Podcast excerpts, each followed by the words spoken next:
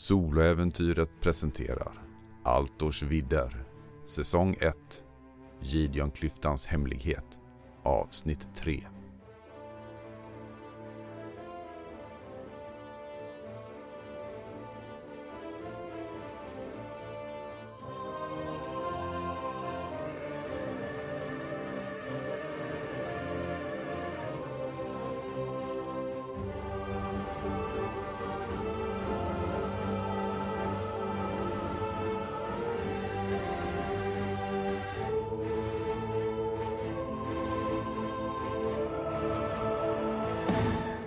Sanko Anka är festens huvudgäst. Den som är målet för kvällens festiviteter. Den som självaste Maurits, den sjätte bergens värd, har bjudit in här. Och Sanko har precis klivit in och blivit utannonserad och möter hertigens blick. Och du kan se han skiner upp och börjar kliva fram. Oho, här har vi kvällens hedersgäst. Välkommen till min enkla fest, Sanko. Jag försöker väl eh, förhålla mig eh, på ett lämpligt sätt till den regent som ändå står framför mig.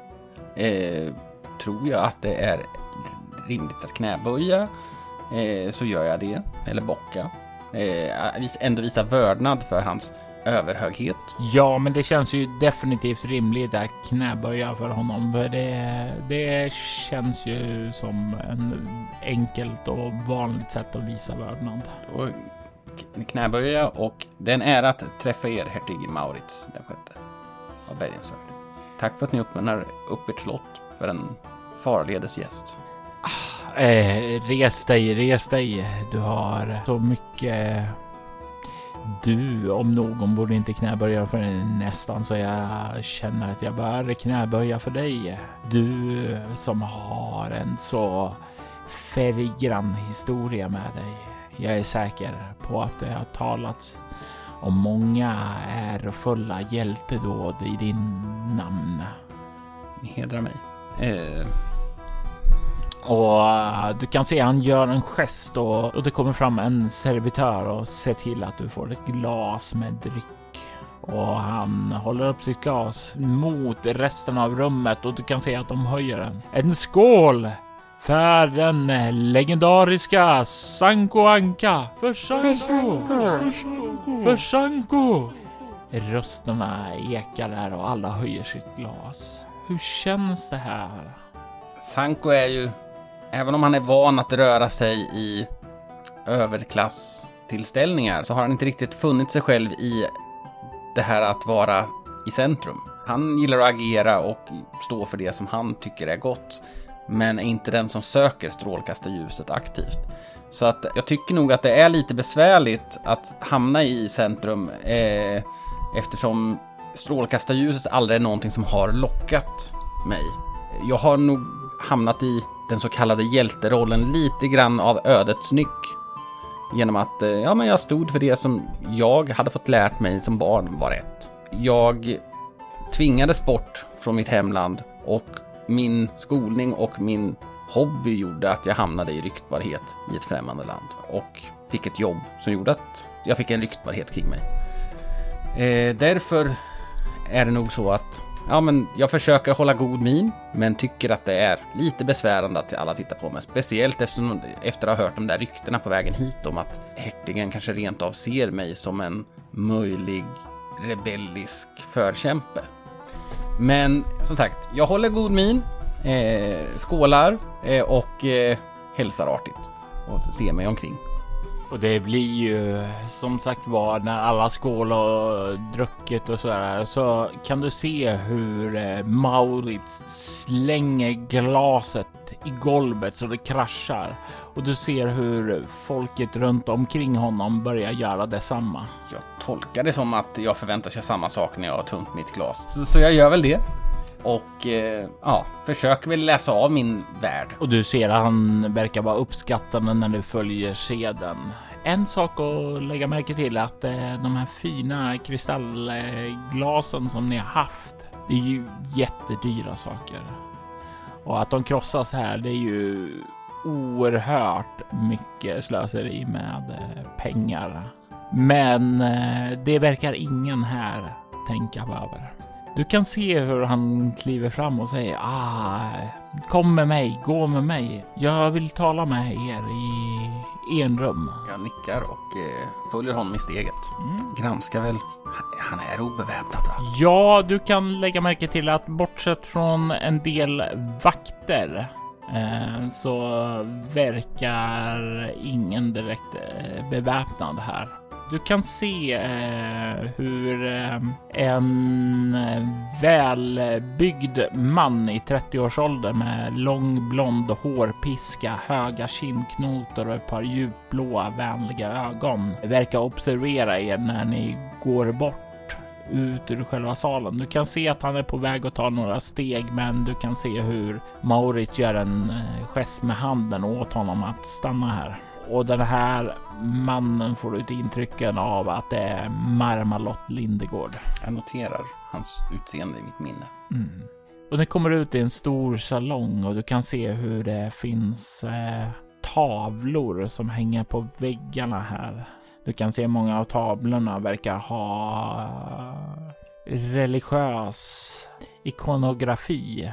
Det är religiösa motiv och mycket mycket som speglas omkring eh, sol eh, och ljus. Du gissar också på att flera av de här eh, visar även en person som du tror är Sebintor, den godhjärtade kungen. Jag tänker mig att du kan få slå ett slag med eh, finna dolda ting. Det är ju min bästa. Jag lyckades. Du kan eh, lägga märke till en sak som sticker ut här. Det är eh, en eh, bergsklyfta. Du kan se att den är ganska hög och det ligger dimma kring den. Du kan se hur den är det, det, finns inte mycket ljus omkring den här utan den bryter av temat lite och du kan eh, se att eh, det är ett vattenfall liksom som dånande rinner ned där. Det är en majestätisk plats, en storslagen klyfta. Men det är även någonting som definitivt inte passar in bland de här andra tavlorna och det får dig liksom något med motivet får dig liksom att rysa lite. Den känns obehaglig. Eftersom han har lett mig ut i den här salongen så tänker jag att eh, det är rimligt att eh, jag beundrar den konst som han visar. Mm. Eh, och eh, stannar väl upp och tittar på den där tavlan där jag noterar det avstickande motivet. Och står väl där och betraktar. Och du kan höra han säga aha, så era blick har dragits till Gideonklyftan. Gideonklyftan? Ja. Vad är detta? Det är en mörk plats. För länge sedan så var det här en hel ö. Men eh, någon typ av jordbävning slet den norra delen av ön i stycken. Det här var långt innan eh, vi slog oss ned här.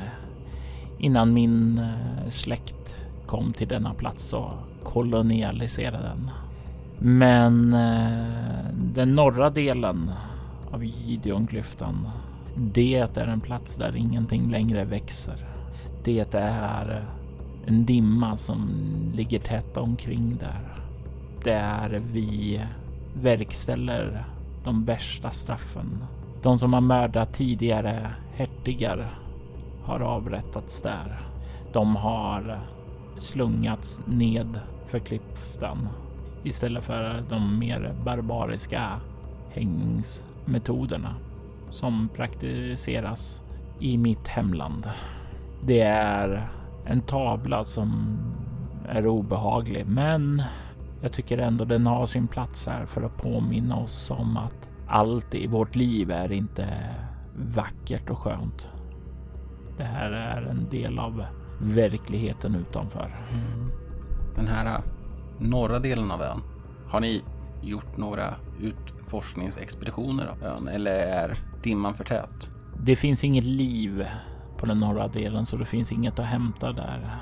Jag vet bara att eh, för långt tillbaka i tiden, 1300 år före Odo, så var det här ju en eh, plats som krunska sjöfarare fann. De fann en eh, rik åder av silver där och de började bryta det och de blev så starka att de kunde bryta sig fri ifrån Krun. Och det var ju på tiden då Krun fortfarande är ett väldigt kraftfullt samhälle. Men någonting hände. Det utbröt en hemsk farsot. Åtminstone det som gråalverna säger. Men det var nog troligtvis sant för både handel och kommunikation upphörde. Och när vi tog den här platsen i besittning långt, långt senare så fanns det inga spår kvar av dem här. Mina förfäder har givetvis försökt att skicka expeditionen norrut dit för att se om vi kunnat hitta silvergruvorna där. Kunna se om det finns något kvar. Men eh, de har försvunnit där i dimmorna.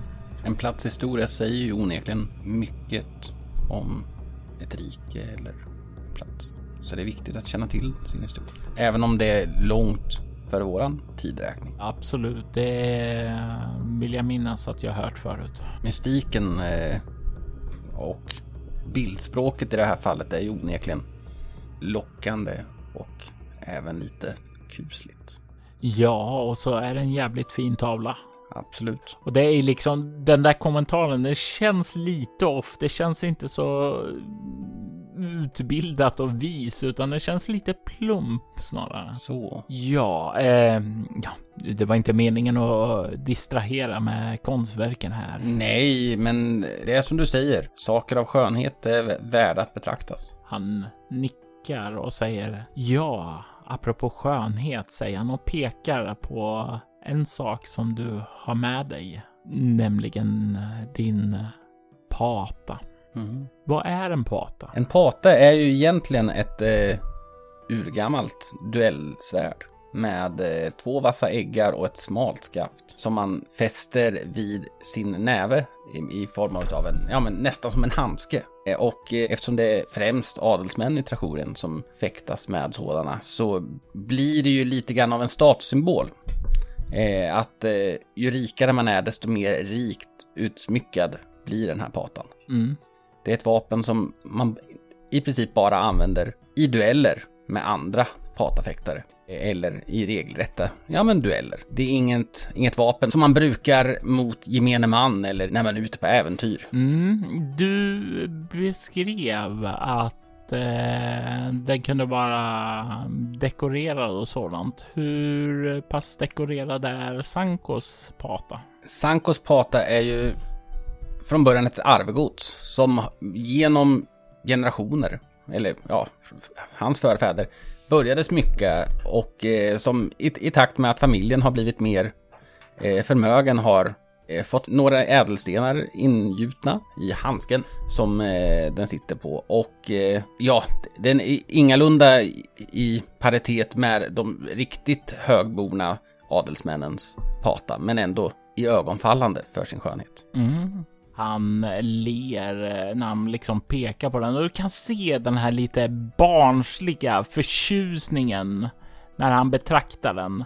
Det är ju definitivt någonting med att bara se det där. Det är ungefär som ett barn på julafton att betrakta det där och du kan nästan se att han vill eh, känna på den, pröva den, testa den, men han håller sig ifrån den här impulsen och säger ge mig, ge mig, ge mig. Jag tittar väl lite grann på honom innan jag, genom att hålla i äggen på ett säkert sätt, räcker över honom. Eh, jag måste varna ers höghet att eh, är man ovan så att använda en pata så kan den kännas klumpig eller väldigt ja, felbalanserad. Men när, när man har vant sig vid Eh, och det har blivit som en förlängning av ens kropp så är det få vapen som är så snabba och så snirkliga att använda i en strid. Eh, så var försiktig. Eh, jag tolkar det som att ni vill titta lite närmare på den. Det skulle vara en fantastisk ära, säger han och plockar emot den med en eh, barnslig förtjusning. Du kan se hur han tar den i sina händer och du kan se hur han viftar den fram och tillbaka i stora drag och du kan ju se att det är ju inte så man ska använda en pata, utan det är finess snarare. Men det här är som om han hugger för kung och fosterland och du kan ju se att han, han verkar inte bry sig att... Eh, att han gör fel? Nej. Han är ju förtjust och helt hänförd av den här utsmyckningen. Det, att det ser pråligt ut, är ju någonting som tilltalar honom extra. Och du får också en känsla av att det är mycket myten om din legendariska fäktkonst också som gjort honom såld på det snarare än vad det egentligen är. Och att det troligtvis kräver en hel del arbete för att lära sig det här. Du kan dock se att han verkar ha en del vana att använda svärd, för han hugger som om det vore kanske ett bredsvärd eller kortsvärd. Mm. Jag låter väl honom hålla på en liten stund. Eh, och sedan, ja, eh, jag, jag, märker att eh, ers höghet är, är en van fäktare och en svärdsman. Att ni är skolad i hur man använder ett svärd. Om ni tillåter mig att ge lite instruktioner. Ja, nej men absolut. Ja, en pata. Det, där är det de små rörelserna som är det stora. Mm. Eh, tänk dig mer, det, det, det, kan mer liknas med en värja än med ett bredsvärd. Okej. Okay. Mm. Så att det, det, är de små handledsrörelserna som ger den stora effekten. Jag tänker att du kan få slå ett eh, slag för Pata här för att instruera honom. Ja, jag lyckas. Du tar en tid här och börjar instruera honom och du får honom faktiskt att lyssna på vad du säger och du kan se att eh, han börjar bli intresserad av det här och blir väldigt involverad och du, du inser att ni nog spenderar mer tid här än vad egentligen han borde göra. Alltså, han, det blir lite så här bara eh, skit i mina åtaganden. Nu har jag en ny spännande sak att hänge mig åt. Mm. Och du kan ju se att han gör några första framsteg, men det här är ju en sak som tar en livstid att lära sig, så men du verkar få honom att känna en liten blodad tand på det. Och du kan se att han till slut lite motvilligt lämnar över den. Ehm, jag har en idé. Vad säger du om att eh, göra en liten uppvisning mot eh, vår eh, vaktkapten? Ja, varför inte? Så länge det liksom sker under, under ordnade former. Vi vill ju inte att någon ska bli skadad. Nej, nej, nej, absolut inte. En eh, ordentligt civiliserad eh, duell. Absolut. Eh, och ja, jag tror bestämt att jag har väckt ett intresse lite grann hos er kanske. Oh, ja, det... Eh, och ja, ni kanske rent av blir sugen att skaffa er en egen pata framöver. Oh, ja, det, det, det skulle vara fantastiskt. Är det så att ni har något handelsutbyte med Trakorien? Jag, jag, jag skulle ju självklart gärna fortsätta ge er lektioner. Men det, det, det förutsätter ju naturligtvis att, att vi båda har en pata. Så att det, det kräver ju lite förberedelser i så fall. Men ni, ni, ni verkar vara en flitig elev. Eh, ja, ja, absolut, säger han och du får en känsla av att eh, det var nog första gången han fick höra det. Du kan ju se han. Eh, jag, jag, jag, jag vet inte om vi har något handelsavtal med eh, Trakorien. Det, det, det får jag fråga eh, Marmalot sen där. Men eh, absolut, absolut. Och jag skulle gärna se om ni har möjlighet att stanna här och träna mig lite så skulle jag gladeligen uh, kunna belöna dig uh, för det. Vi får prata mer om det. Jag förstår att ni har mycket att stå i, eh, men det är absolut görbart. Men den här Marmalot ni pratar om, är det, är det era närmsta man? Ja, han är, han är en rådet. Det är han som nästan alltid finns vid min sida. Han har varit så oerhört bra stöd nu efter den hemska händelsen.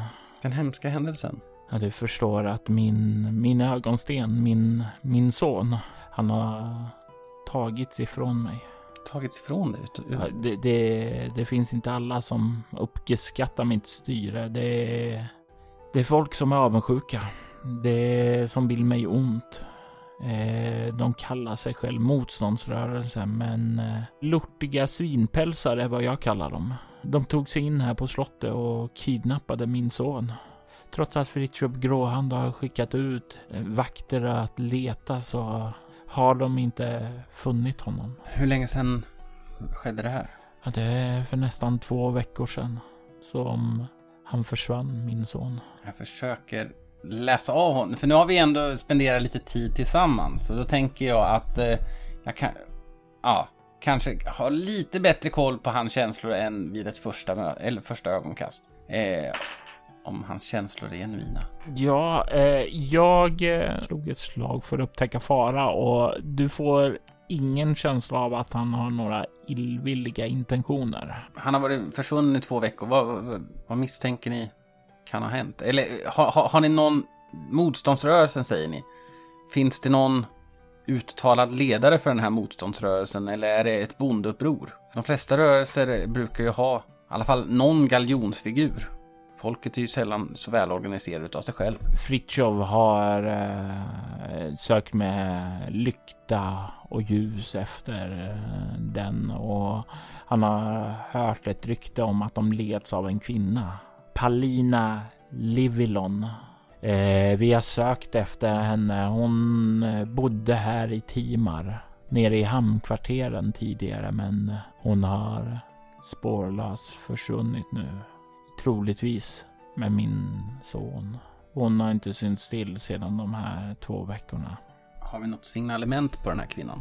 Ja, eh, säger han och nickar och sen ger han dig ett eh, signalement som beskriver en kvinna i ja, kanske 35-årsåldern, kort mörkt hår, ganska härdat utseende, verkar eh, ha varit en fiskare, men ändå eh, av beskrivningarna du ger så verkar hon vara en respektingivande sådan. Troligtvis någon som har haft folks respekt. Du kan också få en eh, insikt att hon hade ett långt eh, ärr över kinden också. Nu kanske jag tolkar fel men med mitt öra. Men eh, Palina Livilon låter i mina öron nästan lite alviskt. Jag talar ju saten nu. Är det så att det... det... Det är inte ett alvisk utan det är en eh, kardisk namn. Ah, jag bara tänker att nu gräver jag mig djupare och djupare ner. Är det så att det sen uppdagas att jag sitter på hans barn och han får reda på det, då kommer jag ju bli flådd och grillad som den anka jag är. Mm, men jag håller masken. Och när, när den där tanken och känslan går upp så hör du återigen de här viskningarna ute i folksorlet om att du är skickad hit som rebellernas förkämpe. Mm. Jag kan inte annat än mm, beklaga sorgen i... För att förlora sitt barn måste ju vara det värsta man kan uppleva. Han nickar, särskilt sedan jag förlorade min älskade i samband med hans födsel. Ni har lidit stora förluster.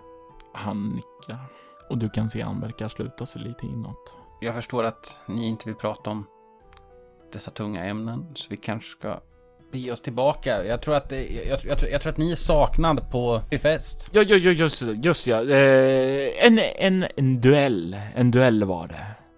Det ser vi fram emot. Det kommer bli en fantastisk... En fantastisk grej att skåda. Mm. Och han leder dig ut i den stora salen igen och högljutt proklamerar han att eh, någon ska hämta vaktkaptenen. För här ska den eh, stolta Sanko Anka visa hur en slipad pata ska dras. Och ganska snart där så kommer ju vaktkaptenen. En man som är ja, ganska lång, definitivt längre än eh, den nästan en och en halv meter höga Sanko. Han har ett eh, vanligt bredsvärd, ganska kraftig Eh, lite grann den här eh, ruffiga, hårda typen där. Ett eh, brett skägg som eh, har oljats in nästan och liksom håller i en liten fläta nedåt där och han kollar ned på Sanko ungefär som är det här vad jag ska slåss emot? Det här är under min värdighet. Ja, men lite grann så faktiskt. Han har ju hört rykten om dig, men det är ju en anka. Hur svårt kan det vara? Folket är ju uppspelt att se det här. Alla har liksom dragit sig åt sidan för att ge rum inför er och du kan se hur hertigen slår sig ned på sin tron här och hur Marmalot sätter sig ned på den ena sidan. Och du kan se på den andra så slår sig en annan man ned. En ganska lång och mager man. Eh, flintskallig. Men med ett tjockt skägg på hakan. Han är klädd i en typ av presskläder. Eh, och med ganska pråliga smycken kring det. Antar att det kan vara Fritiof Gråhand. Det skulle inte vara en alltför svår gissning. Du kan se hur de slår sig ned bredvid hertigen och hertigen håller ett högtravande tal om den eh, kamp som står där. Och till slut så jag signalerar han att ni ska börja duellen och det är dags för initiativ. Ja, eh, under hela den här processionen, eller vad man ska säga, inför, så som den vana duellant jag är, så försöker jag invagga min motståndare i en viss trygghet. Kanske en falsk trygghet. Jag ger inga tecken på hur pass kvick jag faktiskt är trots min höga ålder. Jag rör mig lugnt och försiktigt under början. För att när signalen lyder slå till som en skorpion som hugger sitt byte med de blixtsnabba reflexer jag faktiskt besitter. Eh, med målet att egentligen avväpna honom Innan han har egentligen fattat vad som händer. Ja, du har ju hjälteförmågan snabbslående där, vilket innebär att du agerar först. Så du kan ju göra ett eh, slag med patan här för att se hur väl det går. Mm. Och som sagt, mitt mål är ju egentligen att visa på min överlägsenhet i strid och, och oskadliggöra min fiende. Jag har inget syfte att skada honom. Nej, och det är ju någonting som är förutsatt här. Det är ju en duell och eh, det är ju definitivt i sådana här kretsar. Man vet hur man ska sköra det och vad som är förväntat och det är ju vaktkapten också ja. insatt i. Eh, och vaktkaptenen tror ju säkert att han är starkare och kanske rent av snabbare än mig. Eh, därför försöker jag överraska honom med den styrka jag ändå besitter, med den precision jag besitter och den snabbhet jag besitter. Att försöka avväpna honom. Att slå svärdet ur hans hand. Mm. När jag slår till. Vill du sikta på hans hand? Hur fungerar reglerna då? Om du siktar på handen så får du minus tre för att träffa handen, men om du träffar den så är det större chans att han faktiskt tappar. Men i så fall, då försöker jag nog göra det liksom. Mm. Och du kan få CL plus två på grund av en fin beskrivning. Det var precis. Precis lyckat eller precis fummel? Eh, nej, det var inte fummel. Nej, jag misslyckades precis. Ett ifrån.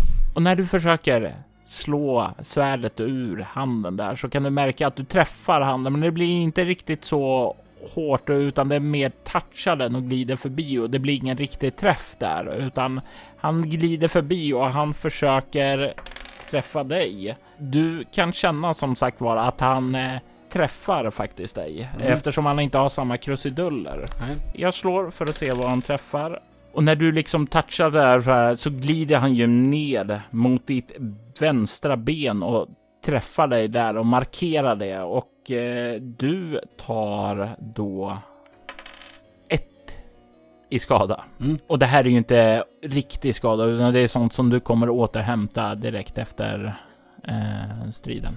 Mm. Och när han touchar dig där så kan du höra hur publiken bara eh, väldigt imponerad hur de har fått eh, se hur deras vaktkapten faktiskt verkar ha en chans. Eh, jag, jag, försöker hålla god min att eh, det här var ju minsann eh, meningen för att skapa lite spänning i det här. Eh, så att jag, jag försöker väl rulla vidare och röra mig, ja, jag är ju ganska mycket mindre än honom. Mm. Och använda min, att, att jag är mindre till att komma runt och försöka komma åt honom lite bakifrån Mm. och snärta till med värjan. Ja. Eller patan. Ja, nu träffar jag. Ska han parera? Jag tänker mig att han inte riktigt hinner med dig, så han tänker inte parera det här nu, utan han använder sin manöver för att vända sig om och hugga dig i sedaren. Mm. Så slå skada. Fyra. Och du träffar honom i hans högra arm bakom från, så du sticker liksom honom där och snärtar till. Är han högerhänt? Han är högerhänt. Då ser det ju ut som att det var meningen. Absolut, du kan se hur han grinar till och det blir som om du faktiskt menade det här att du fortsätter att arbeta på den här handen där.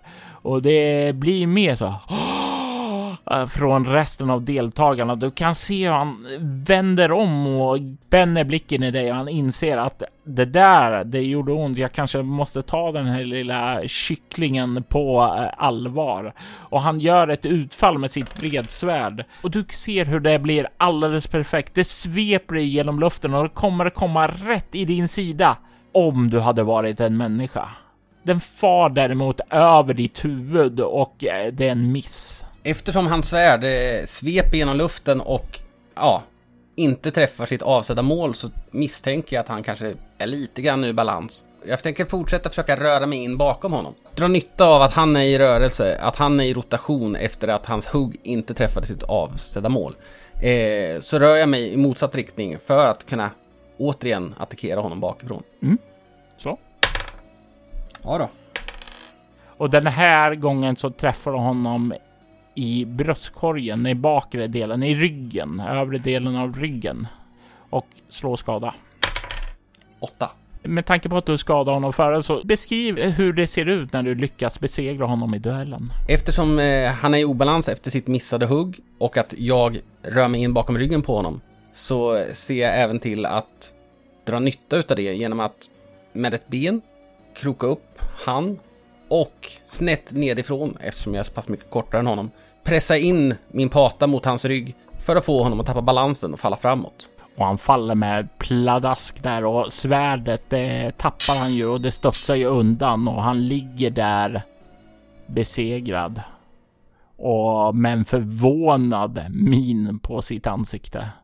Och du kan se hur Maurits reser sig upp och proklamerar att Sanko står som segrare och börjar applådera och applåderna de dånar genom den här salen. Jag hjälper min motståndare upp när han har, liksom har erkänt sig besegrad.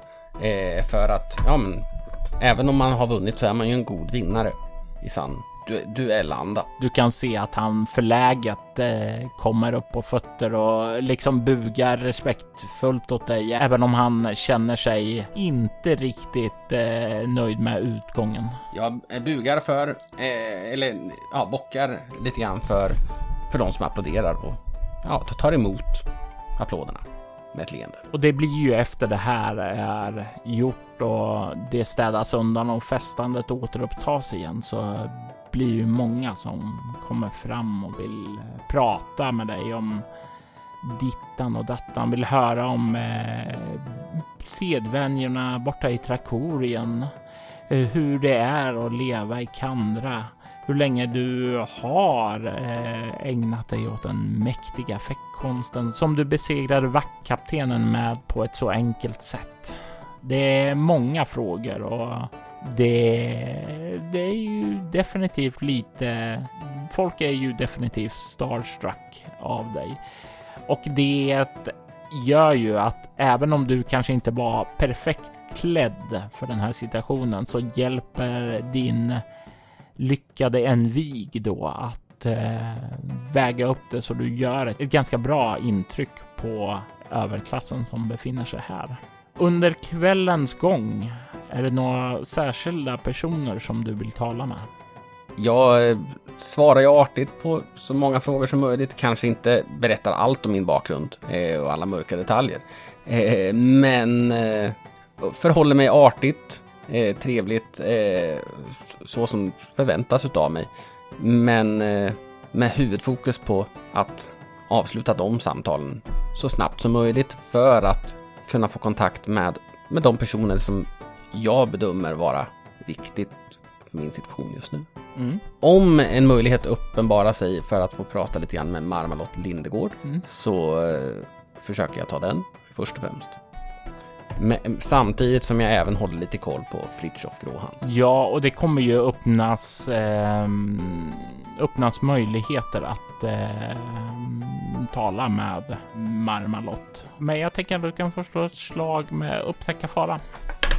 Ett misslyckat. Ja. Du lägger inte märke till någonting själv under kvällen då, utan eh, du får eh, till slut ett eh, möjligt tillfälle att tala med Marmalott. När och var är ni då någonstans när du får det? Jag vill ju gärna prata med honom så pass ostört som möjligt men ändå inte så att det liksom blir i ögonfallande att jag och han går ifrån. Jag tänker mig att det finns ju eh, här på slottet både så att det är öppnat att eh, folket kan röra sig ut till slut till eh, tavelsalongen eh, där du var inne privat tidigare. Det finns även också en varm bassäng där ute på utomhus där man kan ta sig och slappna av och sådant. Det är ju två platser som det, han kommer att röra sig igenom och där erbjuds möjligheter till att vara ganska ja, ostörd. Mm. Eh, då kommer jag nog söka mig, eller söka upp honom som anka. En bassäng låter ju trevligt. Är det så att han eh, söker sig till den så eh, tar väl jag och glider fram bredvid honom och introducerar mig. Och du kan då eh, när du glider upp vid honom i bassängen där han sitter nu och kopplar av med ett vinglas i handen. Se hur han lägger märke till dig och ler och säger eh, herr, herr Anka. Eh, Marmelot Lindegård. Eh, om ni har en titel så får ni ursäkta mig. Jag har inte riktigt uppmärksammat den. Eh, ja, jag är ju rådsmedlem, men eh, jag, jag tycker det är viktigare att se mig som en del av folket. Jag kommer från en stor bondefamilj och tycker det är... Det är... Jag, jag, jag tycker att det är viktigt att vi inte förlorar våra rötter, så jag är inte så fäst vid titlar. Låter klokt. Om du frågar mig. Han ler och tar en liten lätt klunk ur sitt vinglas. Eh, som jag har förstått det så är ni kanske hertigens närmsta vän? Eller bundsförvant? Ja, han har tagit eh, många av mina råd och han lyssnar på vad jag har att säga, så jag gissar väl det. Han har ju inte så många andra nära bekanta. Han har många flyktiga bekanta, men inte nära. Och jag hörde från honom att han har lidit stora förluster nyligen. Ja. På det personliga plan. Det är en mycket, mycket tragisk historia. Granskar honom väldigt noga just nu. Han eh, blev av med sin son som ni säkert har hört. Och eh, jag slår ett slag här. Noterat. Du får inga obehagliga känslor från. Han verkar genuin i det faktum att han eh, är orolig för eh, vad som har hänt och orolig för hertigens hälsa. Ja, ja, det är mycket tragisk affär eh, att han blev av med sin son. Det, det var ett hårt slag mot honom. Han har, han har inte riktigt haft fokus på sina affärer. Det har varit svårt för honom. Och det är ju inte något som gynnar landet så att säga. Har ni några misstankar om vem som kan ligga, bak- vem som kan ligga bakom det här tragiska? Ja... Jag vet att en del anklagar rådet för det. Och visst kan jag väl förstå deras synpunkt, men jag har svårt att se det. Eh, jag tror inte ens att Fritjof eh, skulle kunna eh, tänka sig göra det. Och jag vet att Fritjof anklagar motståndsrörelsen, men ja, jag skulle säga att det är ett alldeles för djärvt drag för dem. Kanske eh, så är jag till och med tveksam till att de besitter det kunnande som skulle krävas. Men om det inte är någon av dem, vem skulle det då kunna vara? Jag vet inte. Det känns som att det är någonting här som vi inte kan se. Någonting som sker i skuggorna. Någonting okänt för oss. Ni får ursäkta. Eh, jag, ja, man hör ju mycket rykten. Även jag som nyanländ. Eh, jag, jag hade ju ryktet om en arvinge som försvunnit hade nått mig redan innan jag kom hit. Även rykten om att arvingen i fråga skulle vara speciell. Kanske rent av ha krafter. Är det någonting som kan kopplas till Sibintor eller, eller rent av? Ja, som jag har förstått det så eh, Fritjof Gråhand är präst, men även i brist på bättre ord, eh, magiker enligt rykten. Han nickar. Och jag hörde, ja, när jag var på Taverna, eh, att eh, rykten om att hertigens son skulle besitta någon liknande kraft. Att han skulle vara välsignad, ja, av Sebintor eller ja, något annat.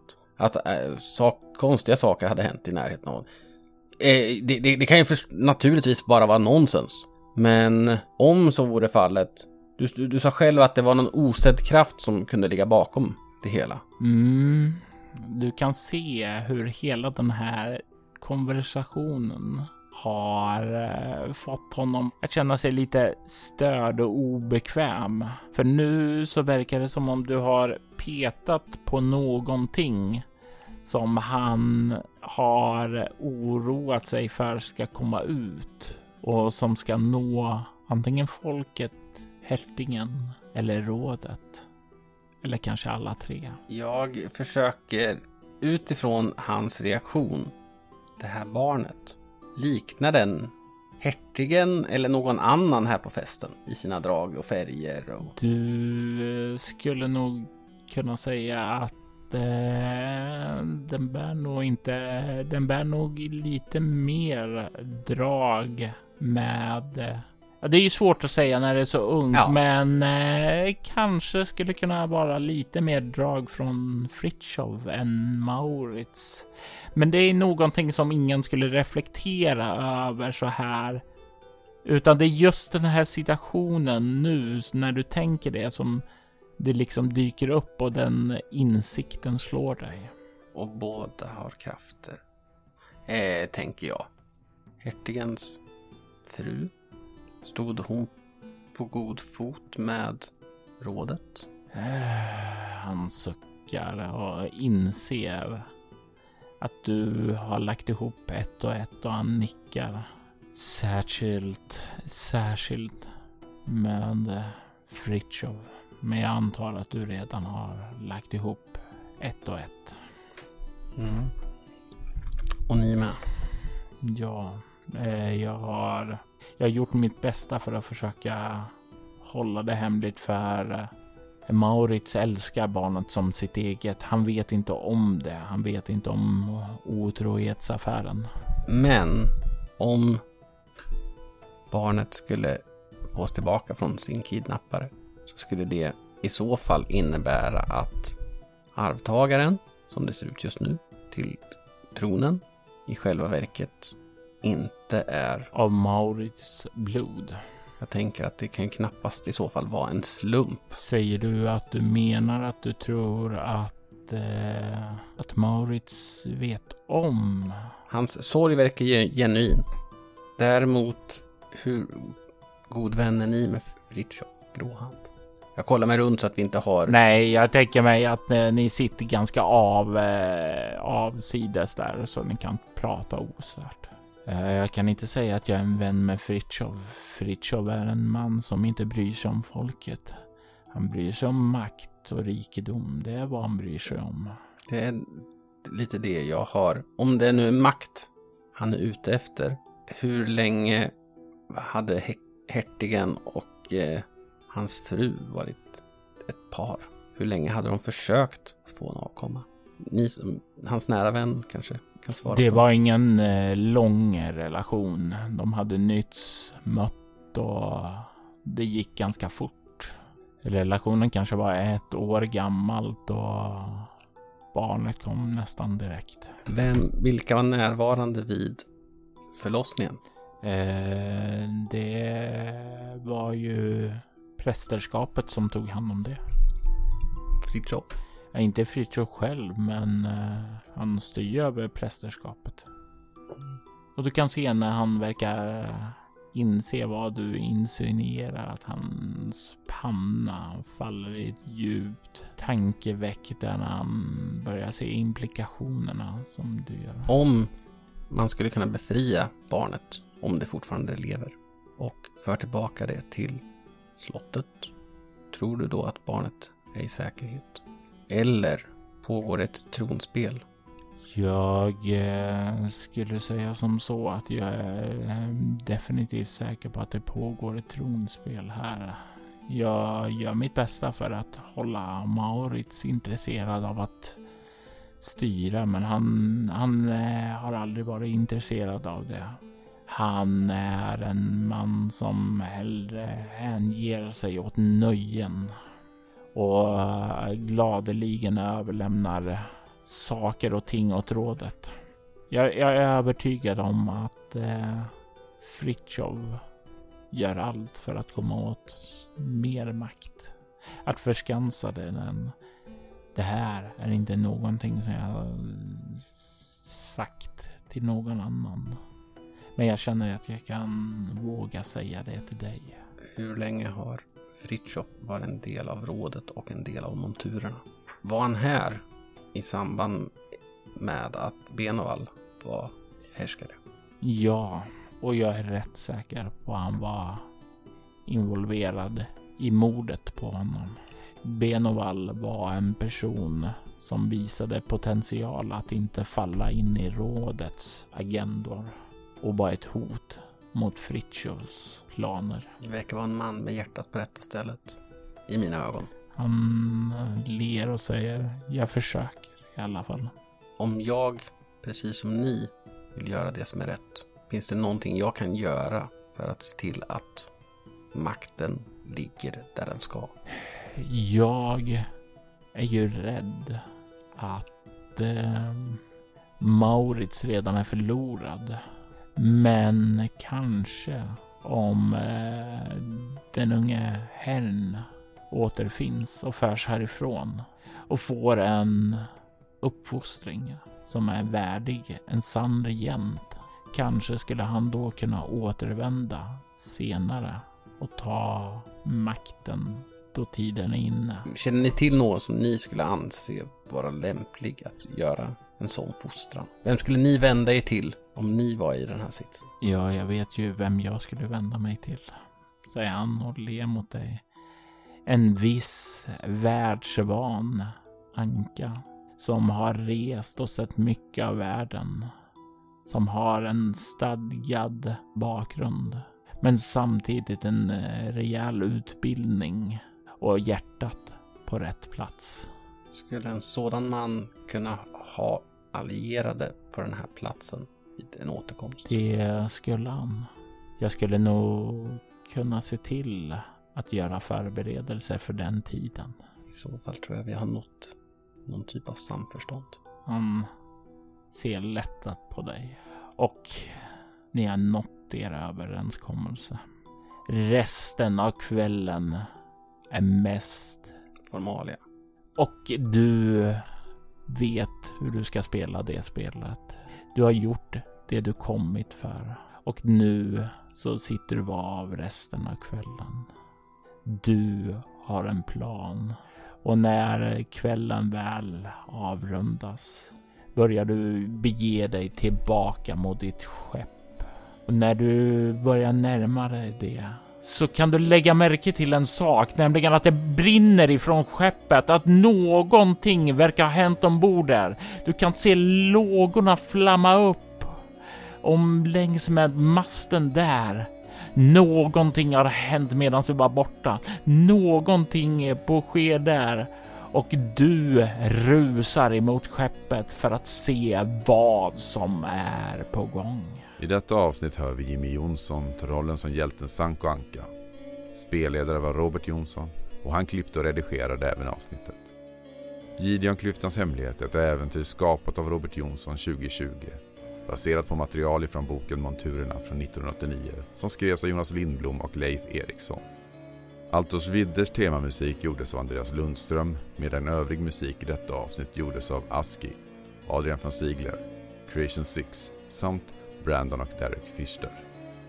Creation 6 ges ut av skivbolaget Cryo Chamber, ett bolag som ger ut stämningsfull ambient musik som är perfekt för dina spelmöten.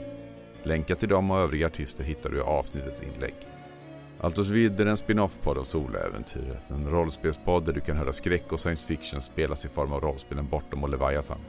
Du hittar mer information om båda poddarna på bortom.nu.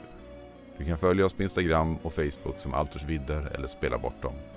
Det går även bra att mejla oss på info.bortom.nu. Jag är Jörgen Niemi. Tack för att du har lyssnat.